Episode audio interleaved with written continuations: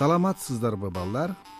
Мен сиздерге казактын абес хандын кырк уулу деген жомогун окуп берем. Байыркы заманда абес хан жашаган экен. Анын кырк уулу болуптур. Хан кырк кызы бар адамды жолуктурууну самачу экен. Аларды келин кылып алсам деп көп ойлончу экен. Күндөрдүн биринде кырк кызы бар адам бар экенин угат ага өзү кишилерди жиберет алар хандын балдарына кыздардын колун сурап келгенин айтышат. Кыздардын атасы хандын кишилерине мен кыздарымды калыңы жок эле берем бирок хан менин үйүмөн өз хан сарайына чейин түз кеткен жол салсын. Анын эки жээгинде тең булактары фонтандары жана арыктары бар гүлдөгөн бак өстүрсүн. Бул бактарда дайыма булбул сайрап турсун. Мунун баарын ал бир жылда бүткөрсүн деп талап койгон экен. Хандын адамдары айтып келгендерди угуп жакшы деп гана жооп кайтарыптыр. Кол алдына кичүү баласын гана алып калат. Калганын көп малайларын кошуп берип бактарды жана жол салууга жөнөтөт. Алар көпкө иштешет жол болсо салынып бүтпөйт бактары да гүлдөбөйт. Ошондо кичүү уулу атасына атаке мени кое бер. Мен жолду салам. Бакты да отургузам дейт. Калган отуз тогуз жасай албаган нерсени сен кантип жалгыз жасай алат элең дейт хан?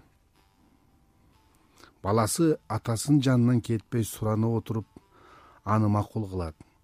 Кетип бара жатып ак кийимчен бир кара адамга жолугат. Ага баарын айтып берет. Көзүңдү жум дейт. Аксакал көзүңдү ач дегенде түз кеткен жол салынып калыптыр. Эки тарабында тең бакчалар булактар шылдырап агып фонтан атылып жатат булбулдар тынымсыз сайрап жатат абышка хандын уулуна айтат. Эми үйүңө кайт. Колуктуңа барууга шашпа байкелериң бара берсин. Бирок алар кайтып келе жатканда чоң кооз үйгө токтошпосун деп эскертет айтаар замат жок болуп кетет баягы аксакал. Хандын уулу кайтып келет бир туугандары андан эмне бүтүрдүң? деп сурашат. Мен жумушту аяктадым деп жооп берет баягы кичүү иниси ошентип хан уулдарын колуктуларын алып келүүгө жөнөтөт. Ал эми кичүүсү болсо калып калат. Абышканын айткандарын аларга айтат. Бир туугандар өз колуктуларына келип ал жакта бир нече ай туруп калышат. Акыры үйүнө жөнөшөт жолдо баратып бороонго учурашат баары суу болуп үшүп кетишет. Аңгыча чоң үйдү көрүшөт. Инисинин айтканын эстеп кайрылбай өтө беришет. Бирок коштоп барган кишилер бул тууралуу билбей үйгө кайрылып калышат. Бир туугандарга алардын артынан барууга туура келет. Үйдө ажыдаар жаткан экен. Ал айтат азыр баарыңды жейм. Жашагыңар келсе кичүү иниңерди мага алып келгиле деп буйруптур ажыдаар корккондон байкелер убада беришет. Ошентип үйүнө тынч жетип алышат. Кичүү иниси болсо мунун баарын түшүндө көрөт. Жакырдын кийимин кийип бир туугандарын тосуп чыгат. Алар аны тааныбай өтүп кетишет. Ал эми кичүү бала ажыдаарга өзү барат аны көргөн ажыдаар сүйүнүп балам келгениң жакшы болбодубу үстүмө мин дейт. Бала аны мингенде көзүңдү жум деп буйруйт. Качан ач дегенде баладан анын эмне көргөнүн сурайт. Мен бийик даракты көрдүм анда сулуу кыз отурат дейт кичүү бала. Ажыдаар ал кызды алып кел деп буйруду алып келбесең жеп салам деп айтат. Хандын уулу бак башындагы кызды издеп жөнөйт. Кетип баратат кетип баратат жолдо түлкүлөрдүн ханышасын жолуктурат. Ал токойдо чурукка баратып бутун сындырып алып ыйлап отурган болот. Хандын уулу анын бутун таңып берет. Кубанган түлкү терисинен үзүп берип керек болуп калсам бир талын күйгүз мен сага жардамга келем дейт түлкү. Хандын уулу андан ары кетет жолдон ажыдаар болгон кумурскалардын падышасын жолуктурат ага да жардам берет. Керек болуп калсам ташты отко сал мен дароо жетип келем дейт кумурска. Балага таш берип жатып бала акыры кызды табат ал таң калып баладан сурайт. Кайдан келген жансың? Бул жакка кантип келдиң адам баскан эмес эле.